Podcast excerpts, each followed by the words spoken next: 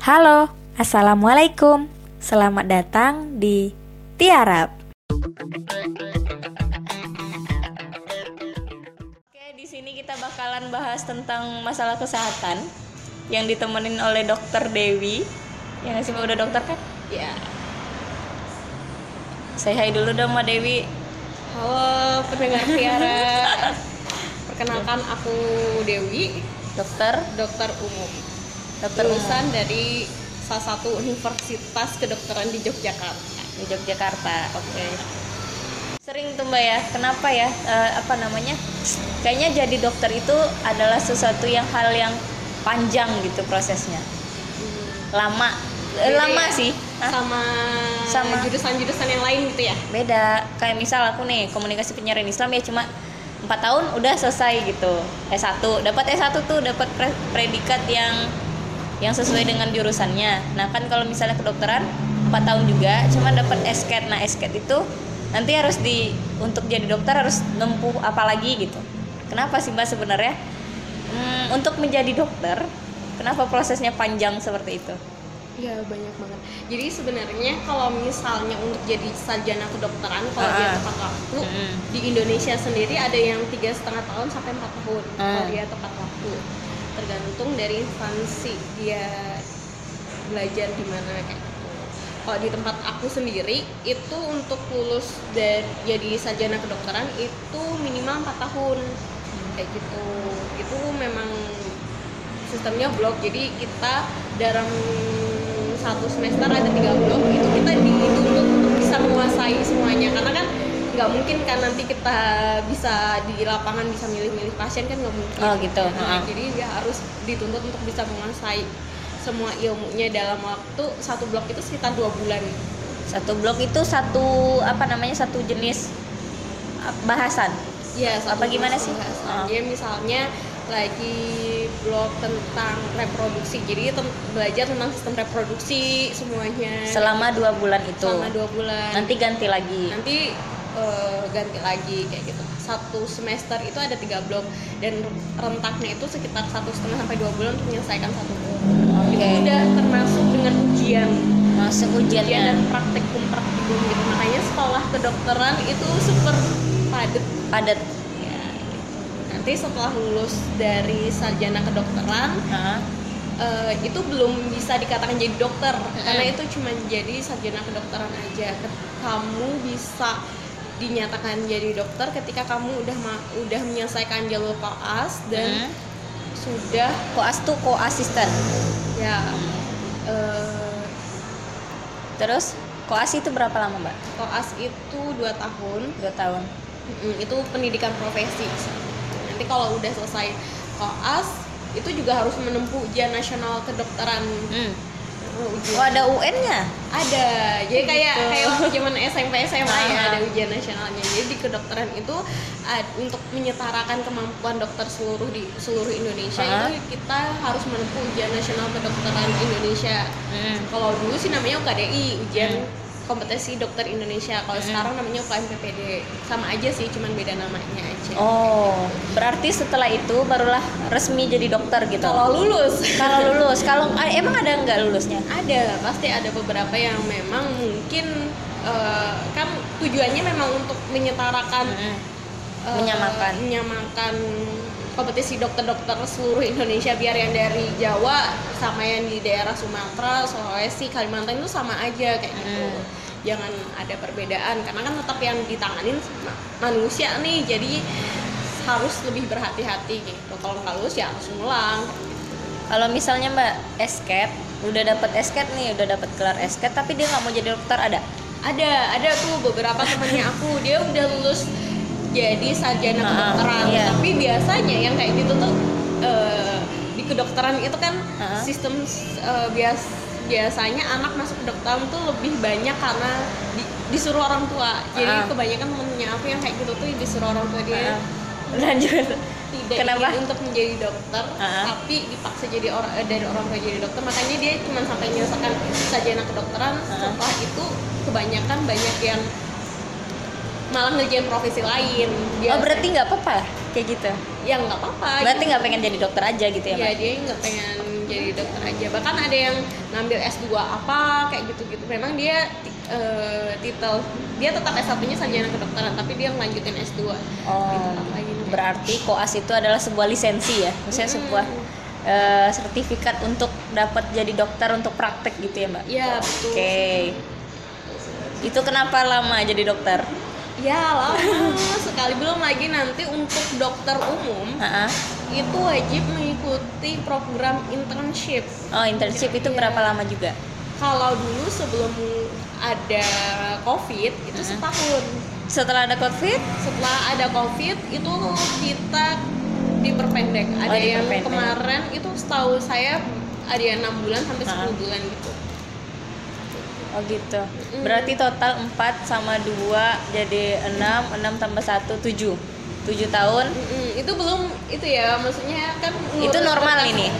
iya normalnya tapi itu beda karena dari lulus koas Mm-mm. itu kan kita harus ngurus berkas-berkas buat UKM PPD kita daftar di daftar-daftarnya kayak gitu-gitu Oh, itu kan gitu. butuh rentang waktu belum lagi nanti Oh berarti nggak nggak mesti itu dapat dapat selesai dalam satu bulan kayak gitu ya mbak?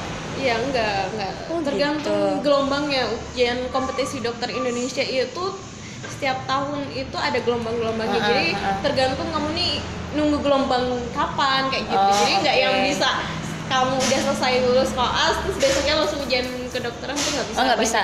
banyak banget administrasi yang memang perlu kamu urus dulu Ah, oh. tapi biasanya memang udah diurus sama kampus sih tapi kan tetap ngikutin dari pusat kapan ujian nasionalnya gitu namanya ujian nasional kan pasti Pusatnya berarti dari eh, ID. ya dari ID Oh, Kemendes dari ID. Oke, eh, udah sama dokter nih berarti kita eh, bahas tentang mitos dan fakta aja. boleh boleh boleh. Mitos dan fakta dari dari apa ya dari beberapa web nih mbak yang dihimpun.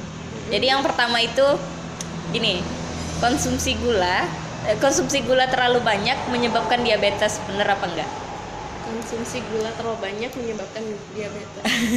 Sebenarnya itu mitos karena tidak ada kaitannya. Kalau misalnya seseorang tersebut Mm-mm.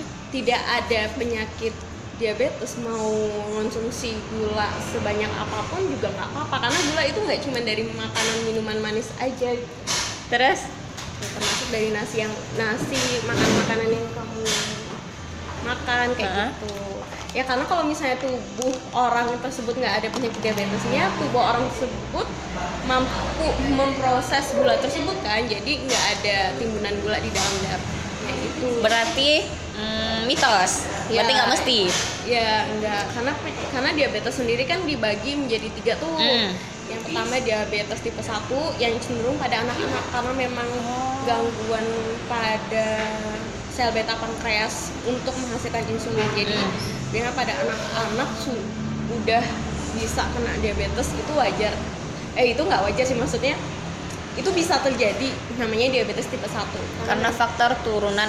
Gitu mbak? Eh, apa faktor apa? karena memang ada faktor gangguan pada sel beta pankreas untuk menghasilkan insulin. Hmm. gitu. terus Jadi- yang kedua tipenya? Oh ya yang kedua itu DM tipe 2 DM tipe 2 itu biasanya pada orang-orang tua. Hmm. kayak gitu. Karena memang orang tua itu kisaran umur berapa berarti? Bias biasanya yang beresiko tuh 40 tahun ke atas. Ah. kayak gitu. Karena itu disebabkan sel beta pankreasnya itu menghasilkan insulin yang cacat atau faktor kegemukan juga bisa masuk di DM tipe 2 kayak gitu jadi Hmm. ketika dia gemuk otomatis eh, insulin ini tidak sensitif untuk menangkap gula-gula di dalam darah. Kenapa? Karena ada tim apa lemak ada kaitan sama Hmm, lemak? ada kaitan sama lemak. Makanya gitu. orang dengan diabetes Heeh. itu diwajibkan untuk olahraga teratur kan. Bahkan sebenarnya orang Semua orang, iya. orang-orang yang tidak ada penyakit dibutuhkan untuk olahraga teratur. Tapi males mbak.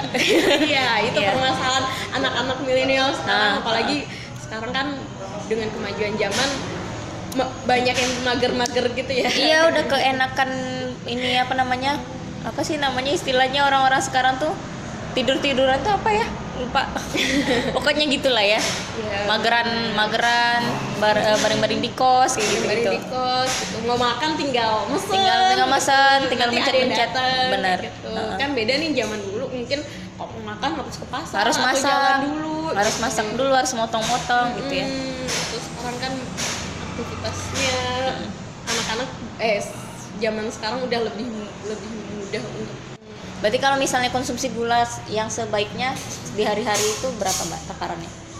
Tiap orang beda-beda. Oh tiap orang berbeda Eh, tergantung pada? Tergantung pada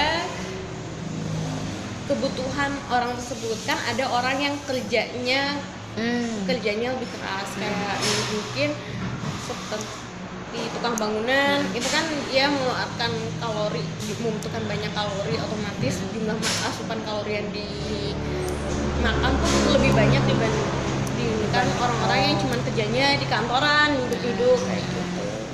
Untungnya tubuh kita tuh punya alarm ya mbak. Maksudnya kalau misalnya kita lapar ada alarmnya. Jadi kita harus memasukkan eh, apa namanya tambahan asupan gitu ya Mm-mm.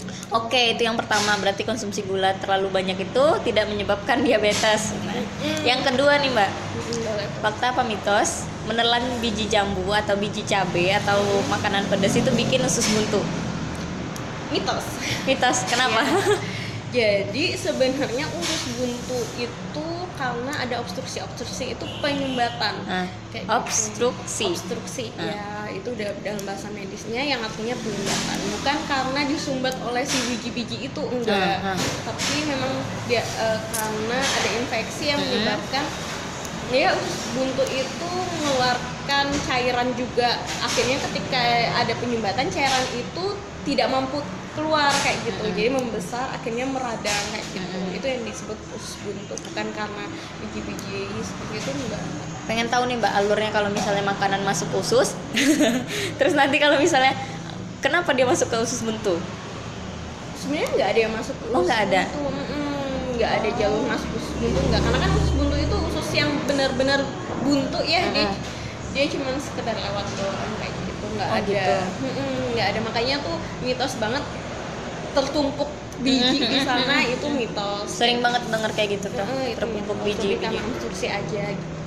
malah eh, banyak yang masyarakat nggak tahu kayak sebenarnya usus buntu itu bisa loh terkena di anak-anak cuman memang lebih kemungkinan lebih sedikit karena memang dari faktor anatomi usus pada anak-anak Hmm. itu bentuknya kalau pada usus buntu itu bentuknya kayak segitiga, Segitiga? kayak kerucut Hmm. kayak konnya es krim Oh, kayak konnya es gitu. krim. Hmm, jadi yang yang atasnya itu lebih be- besar, Lebih besar. dibandingkan yang bawahnya kayak gitu jadi kemungkinan untuk terjadi penyumbatan obstruksi atau infeksi itu lebih minim dibandingkan pada orang-orang dewasa karena kalau misalnya udah dewasa kan eh, struktur anatomi orang eh, dari anak-anak ke dewasa juga beda jadi kalau orang dewasa itu usus buntunya itu kayak selang cuma lurus memanjang kayak gitu. Lurus Eh, apa ap- baik nggak sih mbak? Kan di luar negeri itu kalau misalnya anak lahir langsung tuh dicopot usus buntunya. Mbak pernah denger gitu nggak? Nah Hmm, itu ap- apakah akan lebih baik untuk penanganan usus buntu itu sendiri gitu? Sebenarnya sih eh, tergantung ya. Ada beberapa jurnal yang mengatakan bahwa usus buntu itu diambil aja nggak apa-apa daripada Hmm. nanti ketika terjadi usus buntu yang beneran malah pecah malah jadi penyakit yang lain Hmm. gitu nanti penanganannya lebih susah gitu. Cuman sebenarnya eh, itu tergantung kebutuhan kalau misalnya usus di tubuhnya itu usus buntunya nggak kenapa-kenapa nggak Hmm. radang yang ngapain diambil gitu nggak menjadi oh berarti boleh cuman eh, nggak penting-penting banget juga gitu kayak gitu. Kan tergantung pandangan orang sih soalnya. Berarti menelan biji jambu atau biji cabai atau makanan pedas itu nggak bikin usus buntu gitu ya? Tuh terus yang ketiga nih mbak. Mm, itu? Em, tidur siang mempengaruhi kualitas tidur malam gitu. Eh, ada nggak pengaruhnya sebenarnya mungkin kalau misalnya tidurnya tidur siangnya lebih banyak Hmm? mungkin akan mempengaruhi tidur malam karena kan kebutuhan istirahat orang masing-masing orang kan beda-beda Mm. ketika dia dewasa waktu kita anak-anak jauh lebih banyak tuh kebutuhan tidurnya kebutuhan Anak-anak. anak mm, dibandingkan kalau orang dewasa kayak gitu cuman ya ada beberapa penelitian juga menyebutkan kalau misalnya tidur siang itu malah lebih bagus untuk tu- tubuhnya kamu kualitas tubuhnya kamu jadi kayak tubuh di charge dulu nih untuk Oh. sebelum melanjutin ker- kerja kerja kamu setelah siang hari itu kayak Hmm. gitu jadi nggak yang benar-benar capek kayak gitu tergantung sih kebutuhan tiap orang beda-beda yang yang pastinya tetap tidur itu dibutuhkan oleh tubuh Heeh. Jadi kalau misalnya kita normalnya nih Mbak umur 20-an ke atas itu eh, yang baik tidurnya berapa jam? Eh, Ada nggak? udah faktor dewasa ya maksudnya itu sekitar 6, 6 jam 6 jam. Mm-mm. Tapi teman-temanku ngomongnya 4 jam Mbak, biar kayak tidur Habibi katanya gitu. Tapi dia nggak baca juga. Jadi ya ya percuma juga kan. Iya tapi kan Habibie ti- nggak tidur karena dia mungkin belajar. belajar gitu, Dia tapi- sekarang nonton Korea. Nah itu nggak apa-apa sih Mbak. Kepuasan batin. Kepuasan batin oke. Oke, berarti berarti sebenarnya tergantung kebutuhan diri ya tidur tidur itu gitu. Tapi lebih baiknya 6 jam. Nah, selanjutnya nih Mbak, eh meretakan jari Mm-mm. menyebabkan art- artritis. Hmm. Benar atau Mungkin- enggak? iya, benar atau enggak? Oke. Apakah tiba-tiba kita bunyiin jari habis itu tiba-tiba tangan kita bengkak gitu atau sakit atau gimana nih artritis itu maksudnya? Kalau dari namanya sendiri artritis itu kan peradangan sendi ya. Heeh. Jadi sejauh ini nggak ada tuh penelitian yang menyatakan bahwa meretakan jari, membunyikan jari itu Ya. menyebabkan peradangan sendi. Mm. Itu mitos sih gitu. Tapi Mm. memang sebaiknya janganlah di, digerak Karena? tetakin kayak gitu. Karena kan memang Nggak eh, sesuai fungsi iya, sendi. sesuai dengan fungsinya juga kayak gitu. Ngapain gitu mending yang lain aja deh yang dikerjain jangan yang itu. Tapi di sini tuh ada ininya nggak sih Mbak kalau misalnya di di jari tuh ada semacam pelumasnya nggak Ya ada. di sendi-sendi itu? Hmm, di Tapi sendi-sendi. ti- tapi tidak sebaiknya untuk di di apa namanya dibunyikan juga. Hmm, tidak Oh, sebaiknya itu. Jadi dibiarin aja kan pegel tuh kan sering Mbak kayak gitu. Iya, nggak sih? secara tidak eh, Iya, sengaja secara spontan gitu Ah, ya. benar. Hmm. Berarti nggak baik. nggak nggak baik tapi bukan berarti itu menyebabkan peradangan sendi karena Ah. peradangan sendi itu tuh banyak macamnya gitu bisa Banyak. karena asam urat Hmm. bisa bisa karena penyakit autoimun kayak rematik kayak gitu Mm-mm, mm-mm. itu beda-beda jadi bukan karena dia radang sendi karena ret- ngeretakkan jari gitu. Mhm. Kalau kecuali ya waktu dia meretakkan jari terus, Terus? ternyata tulangnya patah atau retak ya. Ya, Bisa jadi peradangan serem jadi banget. jadi bengkak. Iya makanya Serem banget Mbak. Se apa ya sesepele meretakkan jari habis itu tangannya patah. Serem. Habis itu ke tukang urut. Ayo. ya itu. Terus nih berarti nggak ada ngaruhnya. Terus tidur mal eh, tidur malam sih. Tadi mbak ngomongin rematik, apa perlu kita bahas? Boleh boleh. rematik apa namanya mandi malam bikin rematik. Apalagi kan sekarang tuh mbak, sekarang kan ke mana-mana kita sepul- eh, semalam apa pun kita pulang harus dianjurkan untuk bersihkan diri dan lain-lain gitu. Nah itu bikin rematik atau enggak? Itu mitos.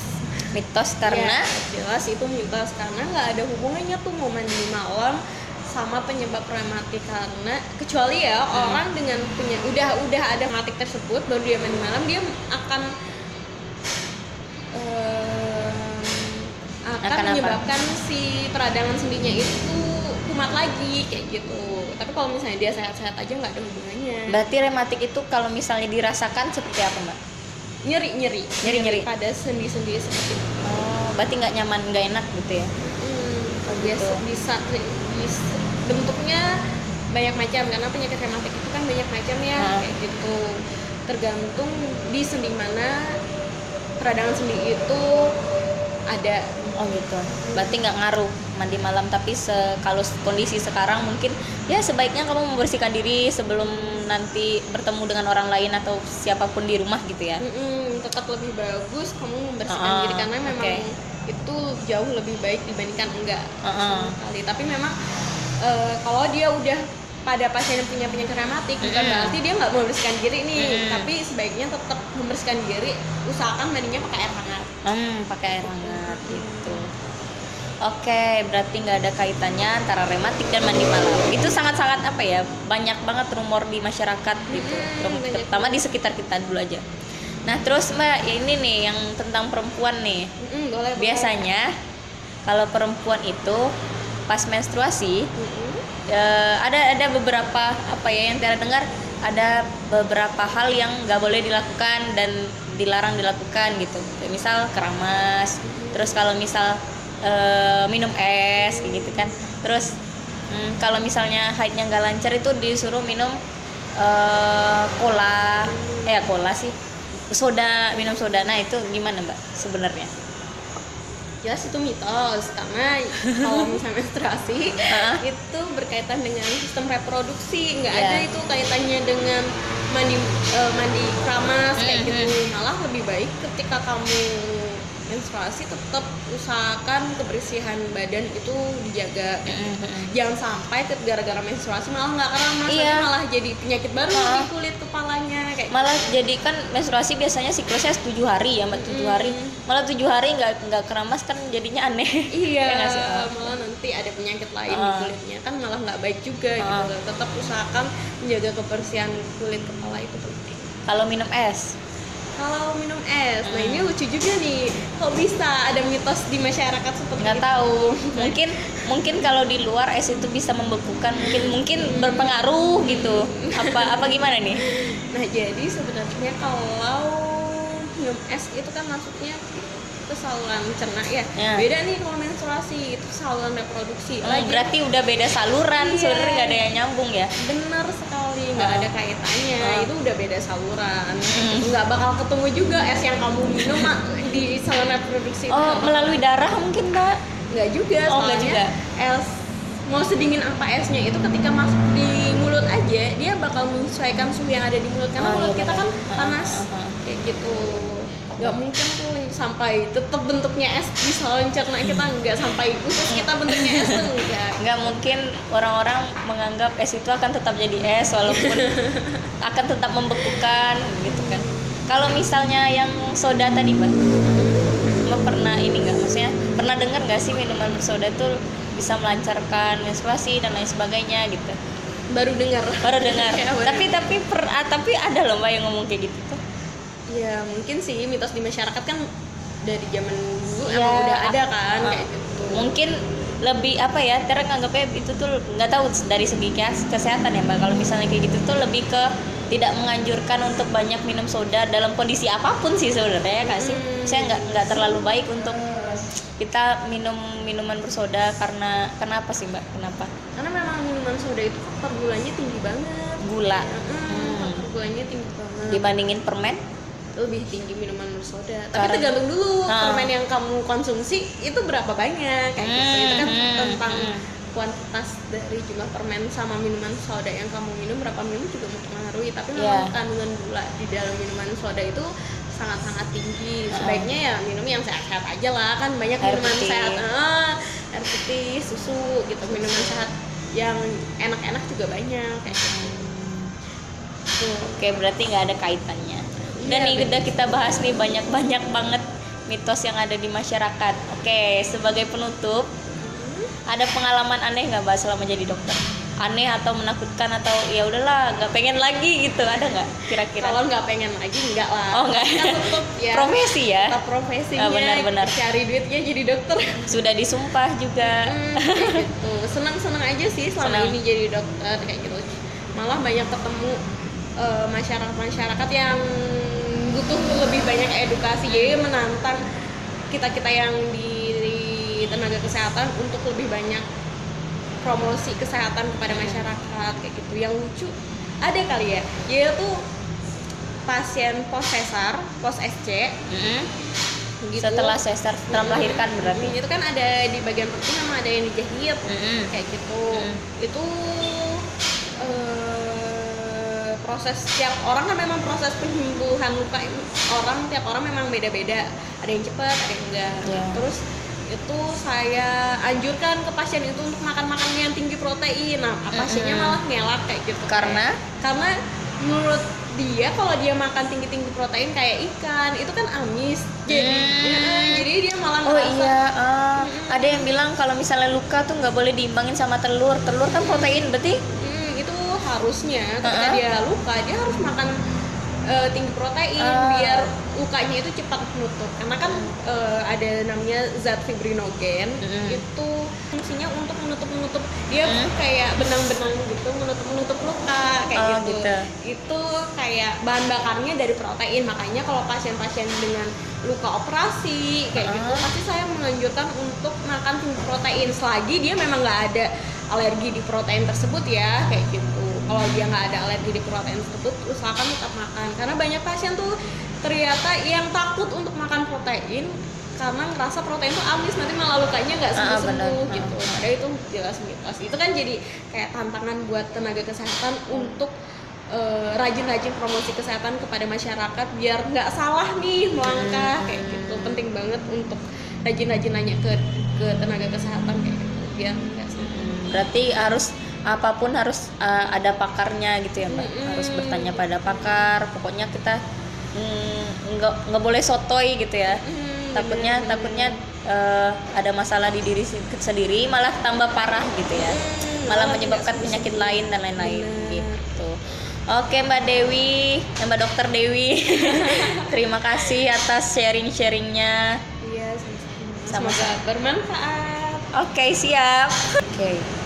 Berarti semoga lancar tesisnya mbak. Semoga semoga bisa lulus dengan predikat dan dan apa ya namanya ada waktu yang tepat gitu ya. amin amin Terima kasih mbak. Assalamualaikum warahmatullahi wabarakatuh. Salam.